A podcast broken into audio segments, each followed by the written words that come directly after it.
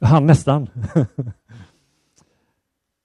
Då ska vi läsa Herrens ord och dagens predikotext ifrån Efesierbrevet kapitel 5 och vers 15 och framåt.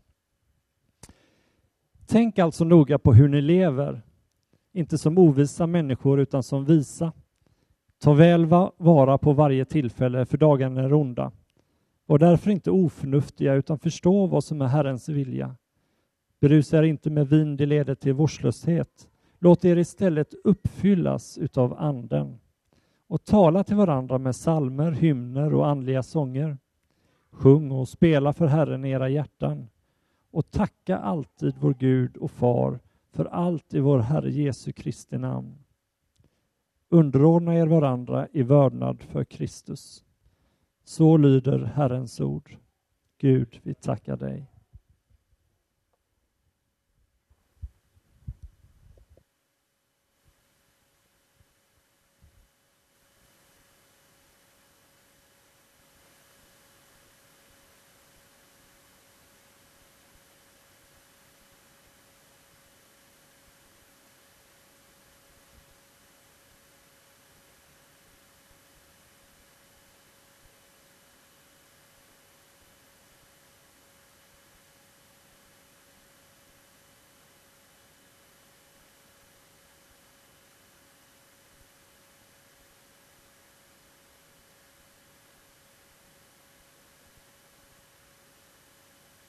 Gott att få vara här och samlas i Herrens namn och veta att han är mitt ibland oss. Och, eh, stor förmån att få nu sätta oss en stund under Herrens ord. Och lika mycket, även om jag är den som predikar, så vill jag också sitta under Herrens ord och höra vad han har att säga till oss den här söndagen. För jag tror att Gud har ett tilltal till oss. Han har alltid tilltal till oss genom sitt ord. Och han kommer till oss i predikan, så kommer Kristus till oss genom sin heliga Ande för att göra någonting i oss och med oss. Så eh, jag har en förväntan på den här söndagen, likt alla andra söndagar, att vi ska få ett möte med Gud. Och när vi får möta honom, då gör han någonting med oss, att vi har någonting med oss ut i den veckan som ligger framför, så att vi kan få beröra den här världen med Jesu Kristi kärlek. Herre, jag ber att du ska hålla mig i ditt grepp, Herre, när jag ska förkunna ditt ord, Herre. Så att jag får predika ditt ord, Herre. Och att jag inte bara får göra det som information, Herre, utan att jag får göra det under Andens kraft och inflytande så att det får bli till transformation i våra liv, Herre Jesus. Där du formar oss och där du formar ett folk under Andens närvaro. Formade av ditt ord och vem du är, Herre. Jag tackar dig för det. I Jesu namn. Amen.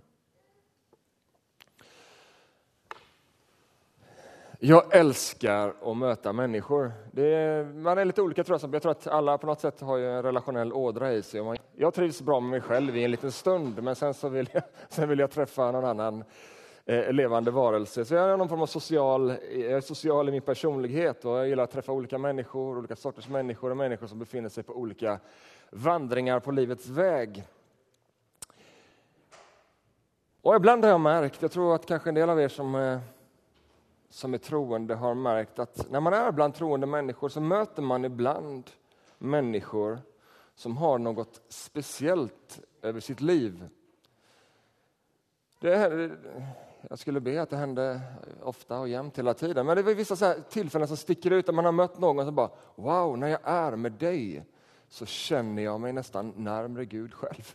när jag är med dig så är det som att wow, vilken hunger jag får efter att uppleva mer av Gud. Vilken längtan jag får efter mer av det som har med Gud att göra. Det finns något speciellt, en speciell närvaro över deras liv. Man känner att wow, de här har, den här människan har med Gud att göra. Är det någon som har varit med om det någon gång? I Apostlagärningarna kapitel 6 så är det ett intressant sammanhang där apostlarna får för mycket att göra. Eh, så det berättas i vers 3 där att de eh, i den tidiga kyrkan då i Jerusalem behöver eh, välja ut nya arbetare för kyrkans sociala verksamhet. Och då står det så här att låt oss därför mina syskon välja ut sju välrespekterade män som är fyllda av ande och vishet och som vi kan låta ta ansvar för den här uppgiften. Välj ut några skötsamma personer, där är vi med. Välj ut några välrespekterade, några skötsamma personer. Men så kommer det här också, men de ska inte bara vara liksom välaktade bland människor och liksom skötsamma, utan de ska också vara fyllda av den helige Ande. De ska vara bärare av någonting mer i sina liv än att bara vara välrespekterade. De ska vara bärare av Andens närvaro och kraft. Välj ut några ibland er som ni vet är välrespekterade. Hur vet man det? Ja, men det vet man för hur de lever sina liv. Men som också är fyllda av Anden. Hur vet man det? Man känner att det finns någonting de här människorna har med Gud att göra. Idag ska vi tala om att låta oss uppfylla oss, eller låta uppfylla sig med anden. Och vi är i den här serien där anden är, där är, där Herrens ande är, där är frihet. Och vi, idag talar vi, och vi har läst från Efesierbrevet kapitel 5, om att uppfylla sig med anden. För oss som troende finns det ett liv i Guds närvaro, under Guds kraft. Det finns ett liv där du inte bara är känd för din personlighet, för dina gåvor eller dina talanger, utan där du också kan få vara känd av någonting mer, att du är bärare av lite av Guds närvaro, av Guds härlighet och kraft. Anden som är Guds energi, Guds skaparkraft. Anden som är Guds närvaro på jorden. Anden som är den som verkar från början i våra liv, på våra hjärtan så att vi ser Jesus och vi kommer till tro på Jesus. Men han var inte bara en vis man, han var någonting mer. Anden verkar på våra hjärtan så att vi kommer till tro. Så anden fortsätter att verka i över våra liv så att Kristus likhet får växa fram som vi talade om förra veckan. Och anden kommer också över oss och verkar i oss så att vi kan få betjäna den här världen med Guds kärlek, i Guds närvaro, i Guds kraft. Det kristna livet är ett liv under Andens kraft och inflytande, i Andens kraft och inflytande, genom Andens kraft och inflytande, från början och till slut. Och nu säger dagens text att vi ska uppfylla oss av Anden. Vad är det för uppfyllande som texten talar om? Är det kaffe? Det är ett härligt uppfyllande, jag gillar kaffe. Det är liksom min första tanke på morgonen, var finns kaffet någonstans? Sätter jag igång min espressomaskin och så händer det grejer. Och ibland så är jag extra sugen och extra lat, kanske i kombination, så då sätter jag mig i bilen och så åker jag till några, något av mitt, mina favorithak och så oftast till Tony. Tony, Io voglio uno cappuccino per favore. Så får man uppfylla sig av kaffe. Men det finns någonting som är långt mycket bättre än att uppfylla sig av kaffe. Och det är det som dagens text handlar om, att få uppfylla sig av Guds ande. Vad är det för uppfyllande texten talar om? Och först och främst kanske, eller först, vem har anden från första början? Och kan man som kristen ha eller inte ha anden?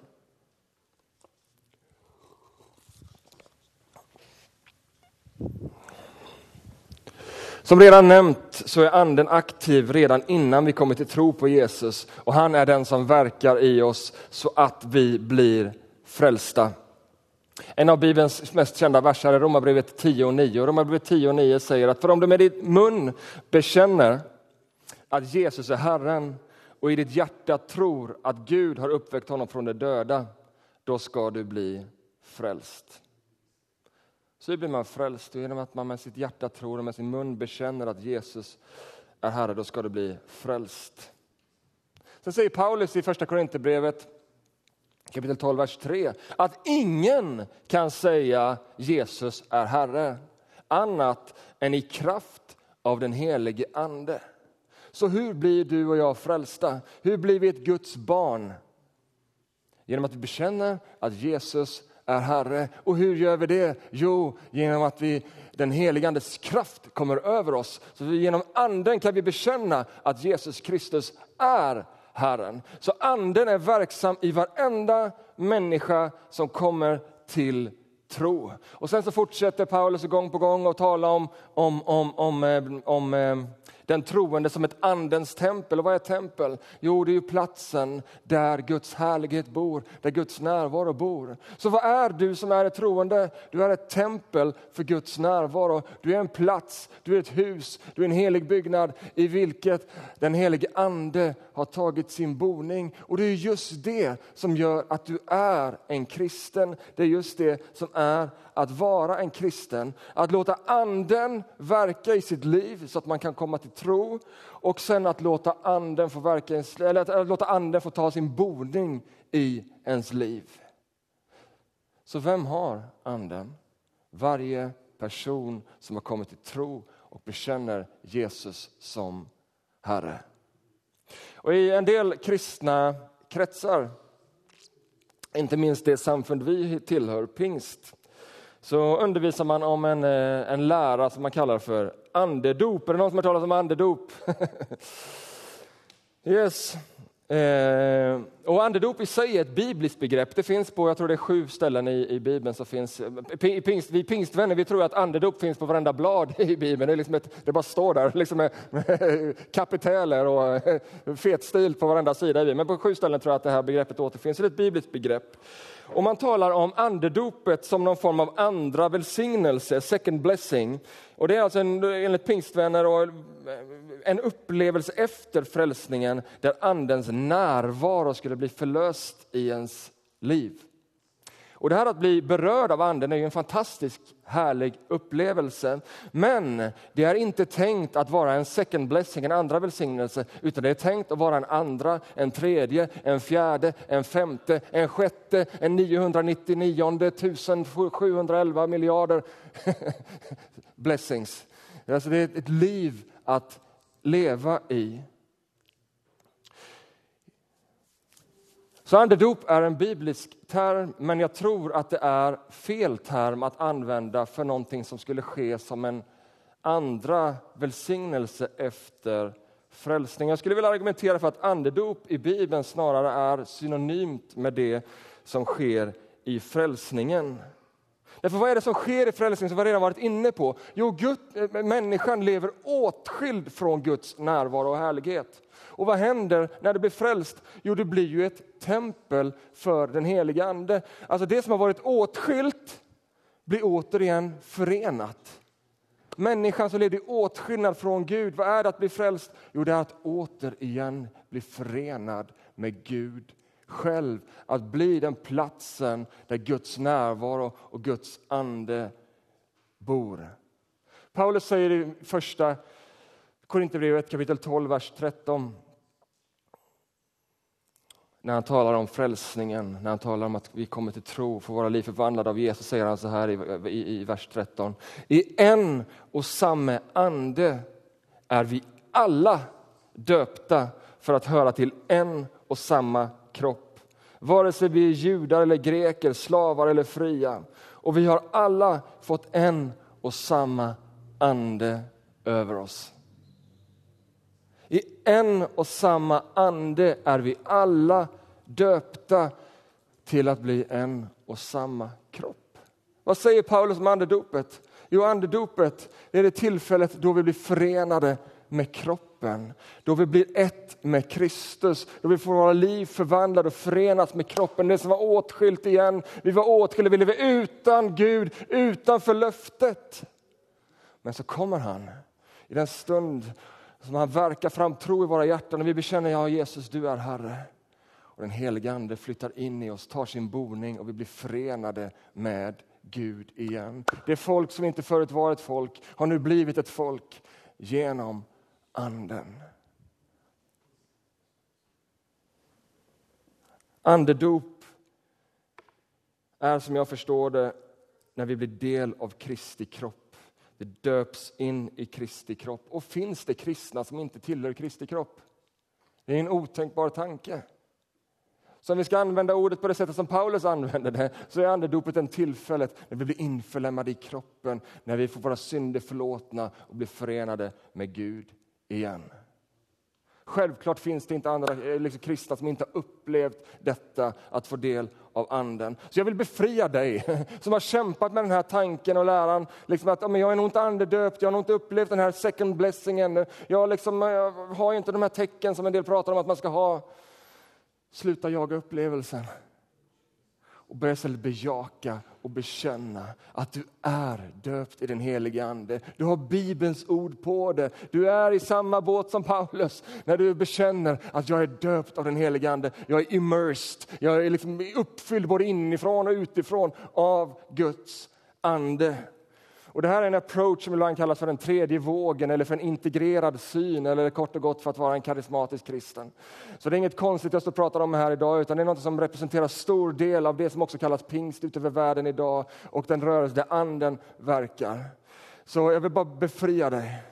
Det är inte så att vi är ute efter att ha mindre av den heliga Ande i centrum. Det är inte så att vi vill minimera Andens roll. Tvärtom, vi vill maximera det verk som Gud vill göra i sin kyrka genom ett folk uppfylld av Andens kraft, Andens närvaro och härlighet. Vet, vi behöver inte en kropp som haltar, som är stympad för att vi tror att ja, men jag har nog inte liksom fått den där Anden. Nej, Gud har gett dig av sin ande och han ger av sin ande. Du är fylld av ande, du är döpt i den helige ande. Och allt det som Bibeln säger om en andefylld kristen, det tillhör dig. Det är ett liv som du kan få uppleva så att vi kan få komma ut i funktion och tjäna Kristus med allt vi är och har.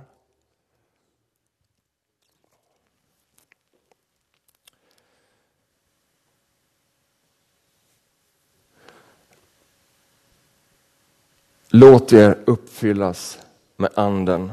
Tobias läste ett stycke från Efesierbrevet kapitel 6 och i vers 18 så säger Paulus så här. Berusa er inte med vin. Det leder till vårdslöshet. Låt er istället uppfyllas av Anden. Det är en ganska intressant eh, jämförelse som Paulus använder.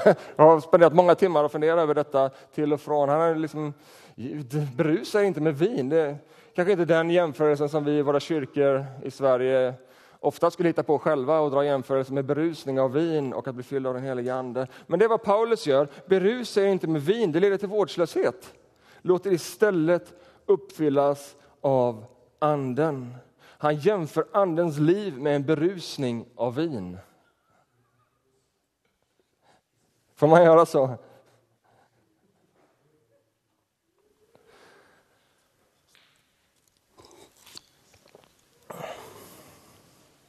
Han uppmuntrar inte berusning av vin. Men han är inte emot att njuta av ett gott vin. Det står inte i texten. Han är, men han är emot berusning av vin. Men han är för någonting annat som är långt mycket bättre. Och vad är det?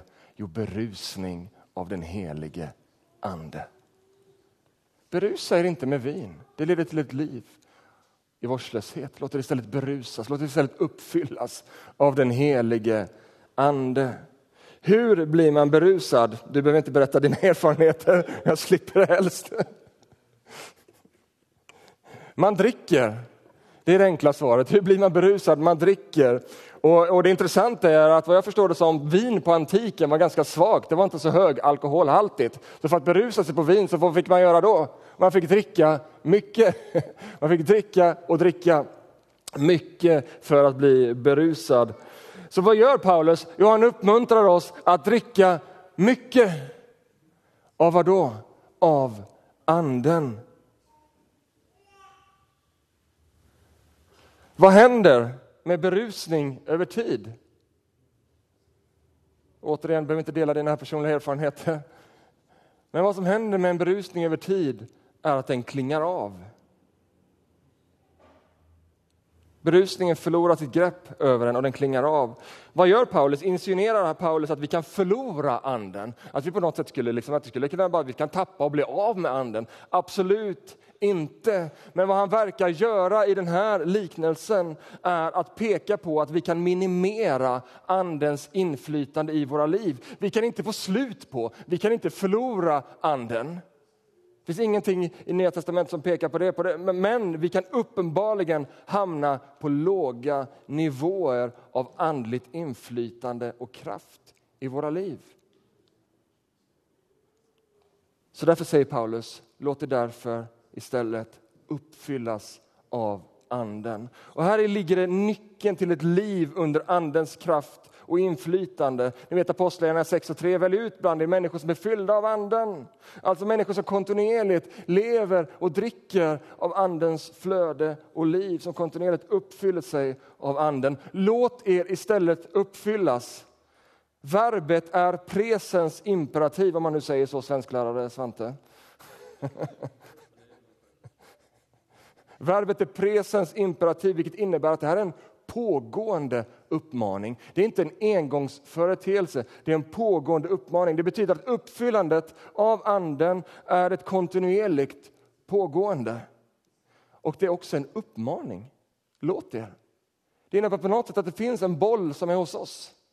Jag har fått Anden, men jag har också på något sätt ansvar för vilka nivåer av Andens inflytande och kraft, glädje och liv och inspiration som jag vill ha i mitt liv. Låt det kontinuerligt uppfyllas av Anden. Berusning av vin innebär att vi förflyttar vår egen kontroll från oss själva till berusningen. Berusning av Anden innebär att vi släpper kontrollen från oss och vår förmåga till Andens ledning, kontroll och förmåga. Att Berusa sig av Anden är att våga släppa kontrollen, är att våga be. Jag satt på bussen idag på vägen hit. Och så fick jag sån här, ett hjärta man kan få för människor. Jag satt på bussen, så många som var där. Jag tänkte, vad ska de göra? De ska gå och shoppa shoppa, de ska gå och göra det och det och det. Och jag är på väg till kyrkan och så börjar jag känna ett hjärta för människor. Att människor i den här staden ska få, få möta Jesus och gå till kyrkan på söndagar och få växa i tron och finna hopp och mening med livet. Och så kände jag så här, men vad ska jag göra? Och så, ja men jag, jag får ju be för dem. Och så kände jag också att jag får be för mig själv också. Så jag bad där och samtidigt som jag bad så blev jag lite nervös själv. För jag bad så här, helige Ande, om det är någonting du vill att jag ska göra här nu på den här bussen, om du vill att jag ska säga något till någon, så gör det. Och så blev jag så här, nej. Tänk om anden faktiskt manar mig att gå fram till personen där framme. Tänk om anden säger till mig att ställa mig på bussen och bara ropa halleluja. Eller liksom, någonting. Men samtidigt kände jag, okej okay, det får vara värt det. Nu blev det inga drastiska saker som hände utan jag fick be i stillhet för människorna på bussen.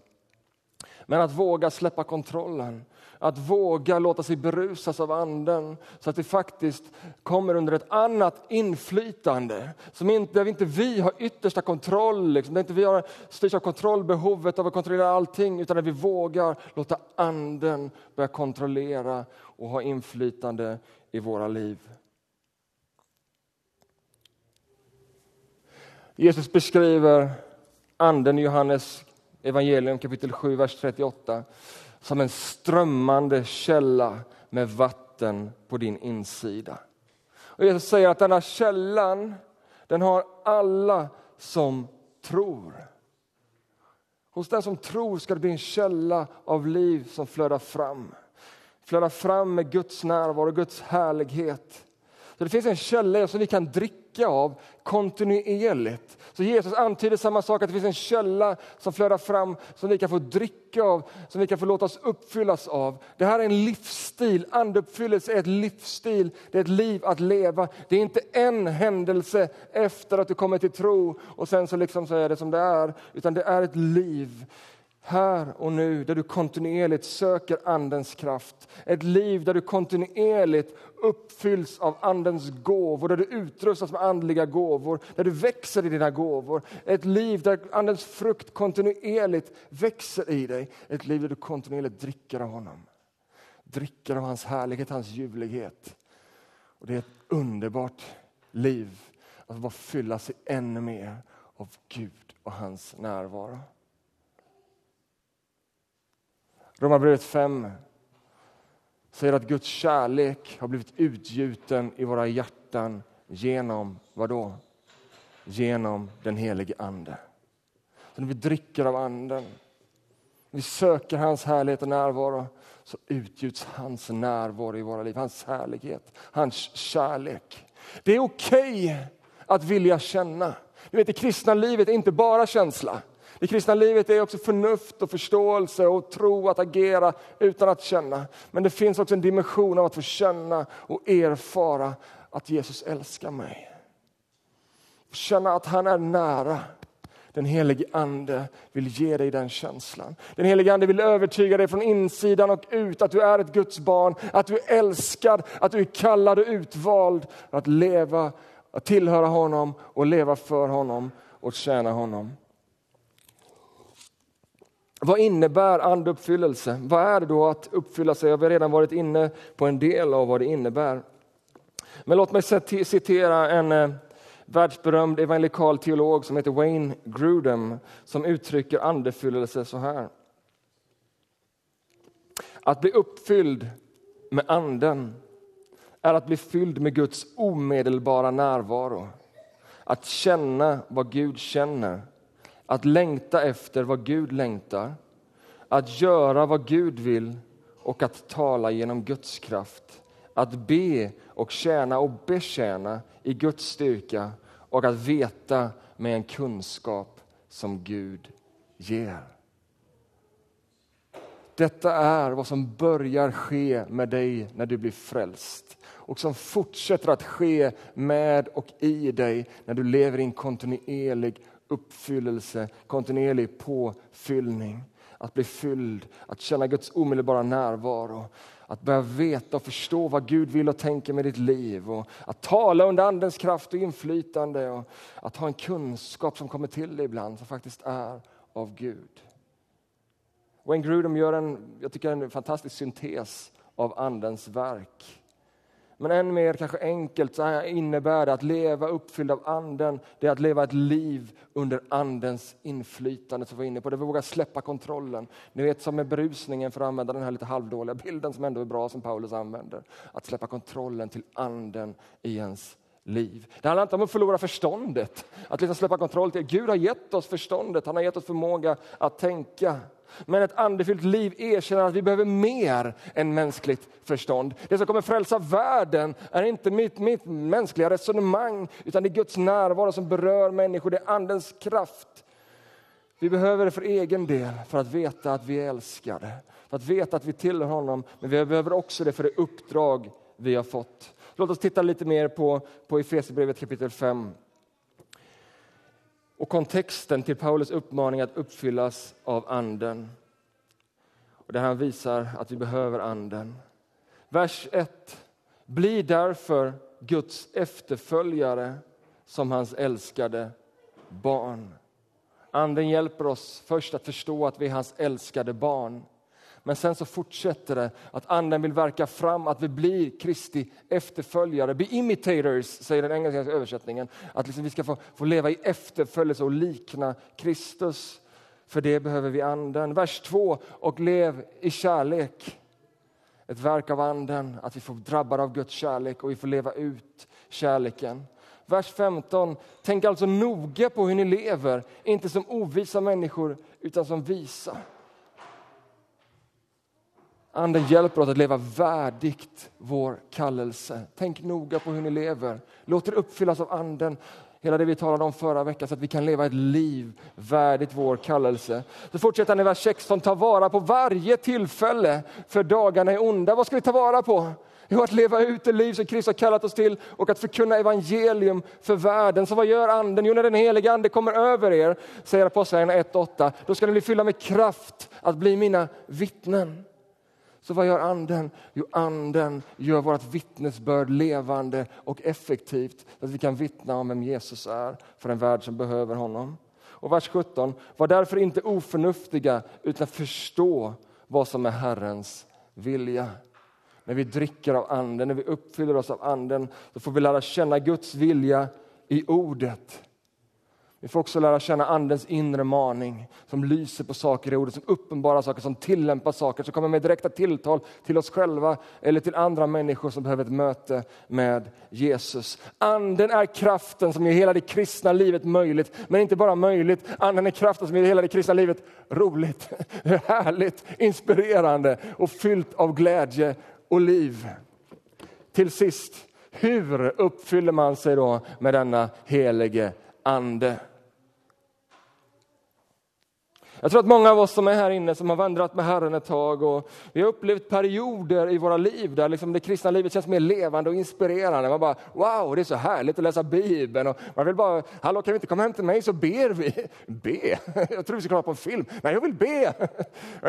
Liksom glädjen i tron och liksom bara wow. Och man liksom bara letar efter tillfällen att få vittna om Jesus. Kanske några av er är i en sån period just nu där det känns lite extra härligt. Och kanske någon annan känner att oj, det där du beskriver, det har jag knappt aldrig varit med om och har jag varit det så var det väldigt länge sedan. Eller kanske är du någonstans mitt emellan. Jag tror utifrån det som texten talar om idag så är skillnaden mellan de här två lägena om den här andens källa har hamnat i skymundan av andra källor i våra liv. För precis som vi kontinuerligt kan uppfylla oss med anden så kan vi också ignorera anden. Vi kan liksom hålla på och tänka på allt annat och försumma den här aktiva relationen med anden. Paulus talar faktiskt i kapitlet innan, i kapitel 4, vers 30 i Efesierbrevet, att vi motsats till att uppfylla oss med anden kan bedröva anden. Därför att anden är en person. Gud, Fadern och Sonen och den helige Ande är ett i essens, men tre personer. Med en person kan man bygga relation, men man kan också försumma relation. En person kan bli bedrövad. Och nu vill jag inte att du ska bli förskräckt. Tänk om jag har bedrövat den helige Ande. Är jag körd? är hoppet ute? Du vet, anden är inte långsint. Han är inte sur. Men han längtar efter att få komma in i en djupare intimitet med dig, i en djupare relation med dig. Han längtar efter att få växa i gemenskap och förtroende med dig. När man umgås så byggs förtroende och desto större förtroende, desto mer kan man ge sig själv till varandra. Så några punkter om hur man uppfyller sig med Anden så ska vi avsluta. Och det första handlar om det vi redan varit inne på. En viktig sak att uppfylla sig med Anden är att ge Anden tid och utrymme. Att ge Anden tid och utrymme. Att bara njuta av Andens närvaro. Att bara kliva in och helige Ande, här är bara du och jag nu. Och spendera tid i Guds närvaro. Men jag har ingen tid. Hur ska jag få tid? Hela mitt liv är uppsnurrat av allting annat. Jag har ingen tid. Jag tror faktiskt att då behöver vi inse att vi har gjort vårt val. Jag har ingen tid. Då har vi gjort vårt val. Om Andens närvaro i ditt och mitt liv är så lite värt så att allt annat vi kan prioritera våra 24 timmar på är mer värt än att spendera tid i Guds närvaro. Då får vi fundera över hur ser det ut i mitt liv egentligen? Vi behöver ge tid för att uppfyllas av Ande. Och jag vill inte hävda att det handlar om timmar och timmar, utan det handlar om utrymme och fokus. Om Anden inte finns på din radar i ditt vardagliga liv, och jag talar till mig själv också just nu, bara så ni förstår. Om jag vaknar på morgonen, äter frukost, går till jobbet, gör mina grejer, kommer hem, lagar mat. Och när jag lägger mig på kvällen och funderar igenom min dag så inser jag att det finns inga spår av bön. Ingen spår av tanke på Gud, ingen spår av liksom bibelläsning, lovsång eller uttryck av längtan efter Gud. Inga spår av liksom heligande. Vad ska vi göra idag? Då uttrycker det ett liv på andlig sparlåga snarare än ett liv som levs i kontinuerlig längtan och uppfyllelse av Anden. Jag tror vi alla känner igen oss lite grann. Det är ingen panik. Anden är inte långsint och sur. Men han väntar på dig och han väntar på mig. Han säger kom. Han är redo på att lära känna dig, att du ska få lära känna honom på djupet. Och han vill leda dig ut i ett liv där han utrustar och verkar i dig. Så tid och utrymme, jag tror det finns där. Vi uppfyller oss också med den heliga Ande genom att helt enkelt be den heliga Ande att uppfylla oss. Inte, det här är ingen raketkonst, liksom, fast på ett sätt är det raketkonst. för att vi, det, liksom, det kräver överlåtelse i våra liv, det kräver ett beslut.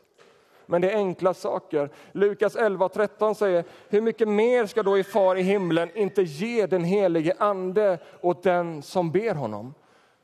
Den helige Ande är en gentleman, säger vi ibland. Han tränger sig inte på. Han säger han väntar på att vi ska bjuda honom in i våra liv. Kom, jag behöver på nytt förnyelse. Jag behöver på nytt möta dig. Jag behöver på nytt uppfyllas av dig. Kom, helig Ande. Det kan ske i enskild bön, i små grupper eller i en gudstjänst eller vad som helst. Den helige Ande.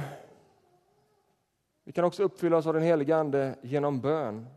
Apostlagärningarna 4.31 så står det, när de hade slutat att be så skakade platsen där de var samlade och alla uppfylldes av den helige Ande och förkunnade Guds budskap frimodigt.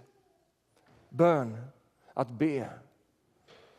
Men det leder oss också in på nästa punkt som har lite med tid och också bön att göra och det är att vänta. Jesus sa till lärjungarna i Apostlagärningarna kapitel 1, vers 4. Vänta här i Jerusalem så ska jag bekläda er med kraft ifrån höjden så ska den helige Ande komma över er. Du vet, vänta, tid och vänta är två olika saker. Vi kan ha all tid i världen. Vi kan komma inför Gud och bara rabbla, babbla, babbla. Och sen så går vi därifrån och vi kan hålla på oss i tre timmar. Men att vänta, det är liksom en annan dimension av att utnyttja din tid. Du kommer inför Gud i bön. Men sen också vänta, våga dröja kvar, våga hänga kvar, våga lyssna. Ibland kanske det är lite tyst, du bara får sitta och njuta av en lugn stund. Men allt som oftast kan du få börja erfara hur Anden talar till dig, hur Anden liksom bara ger ett bibelord till dig, eller hur Anden leder dig, eller hur du liksom kanske börjar tala i tungor. Andens gåvor blir förlösta i ditt liv. När vi vågar vänta och dröja kvar. Och Bibeln är full av det här, Saltaren är full av detta. Vänta, att vänta i Herrens närvaro. När vi sagt vårt, då är det dags att vänta och låta Anden säga sitt. Vi uppför oss också av Anden genom ordet och ordets predikan. Paulus säger i relation till ordet och ordets predikan i första Korinthierbrevet 2 att Gud har uppenbarat det för oss genom sin ande. Anden utforskar allt, även djupet i Gud. Du vet, ordet är som bränsle för den helige Ande, där Anden verkar i genom ordet och vill uppenbara saker för dig och vill lysa på saker för dig, vill göra saker i ditt liv. Galaterbrevet 3 och 2 säger, fick ni anden genom att lyda laggärningar eller genom att lyssna i tro? Att lyssna till ordet, till ordets förkunnelse, och låta anden få uppfylla oss. Till sist, och min sista punkt tror jag både en konsekvens av andens verk, men också ett sätt av att, både en konsekvens av att vara uppfylld av anden, men också ett sätt att låta sig uppfyllas med anden. Vers 18 i kapitel 5. Låt er istället uppfyllas av anden, alltså nu är vi i sammanhanget här, berusar vi inte av vin, utan låt er istället uppfyllas av anden och tala till varandra med salmer, hymner och andliga sånger. Sjung och spela för Herren i era hjärtan och tacka alltid vår Gud och Far för allt i vår Herre Jesu Kristi namn.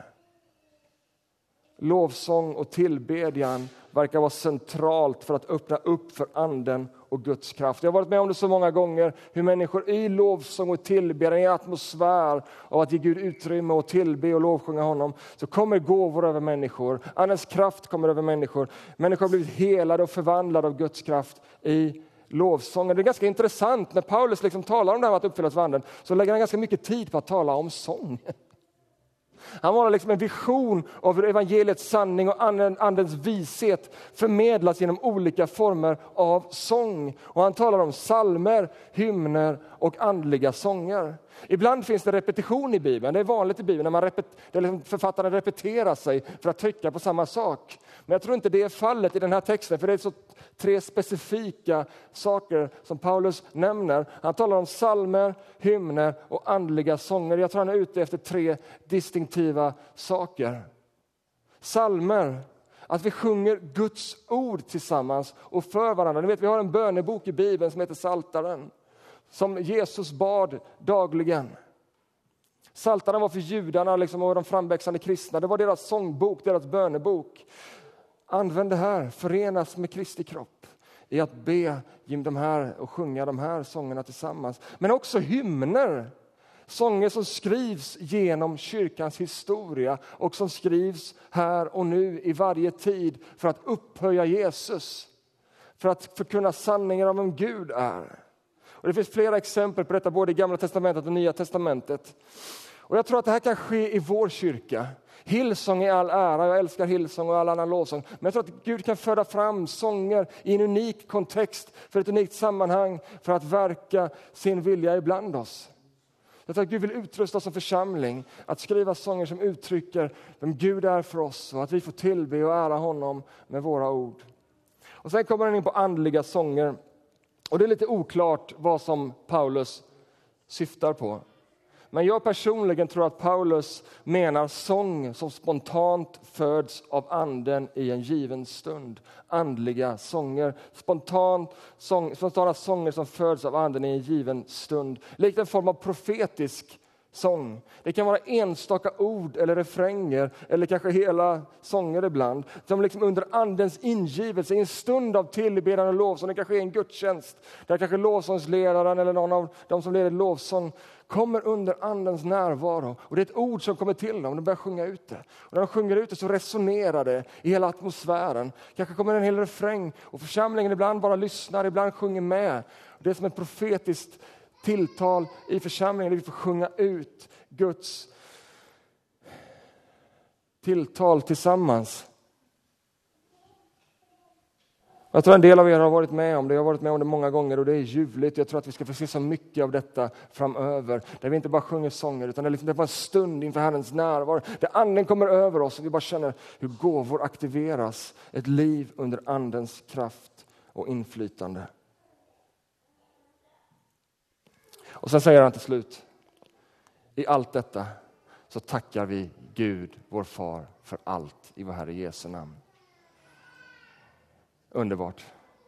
Så det här är några saker som vi kan göra för att uppfylla Det är ingen fullödig lista, men det är några exempel på hur vi kan låta uppfylla oss av den heliga Ande. För att Gud kallar oss att bjuda, in, att bjuda oss in att leva ett kontinuerligt uppfyllande av honom. Så att vi inte i vår egen kraft kämpar i det kristna livet, utan att vi uppfyll, uppfylls av hans kraft och leds ut i ett liv under hans kraft och inflytande.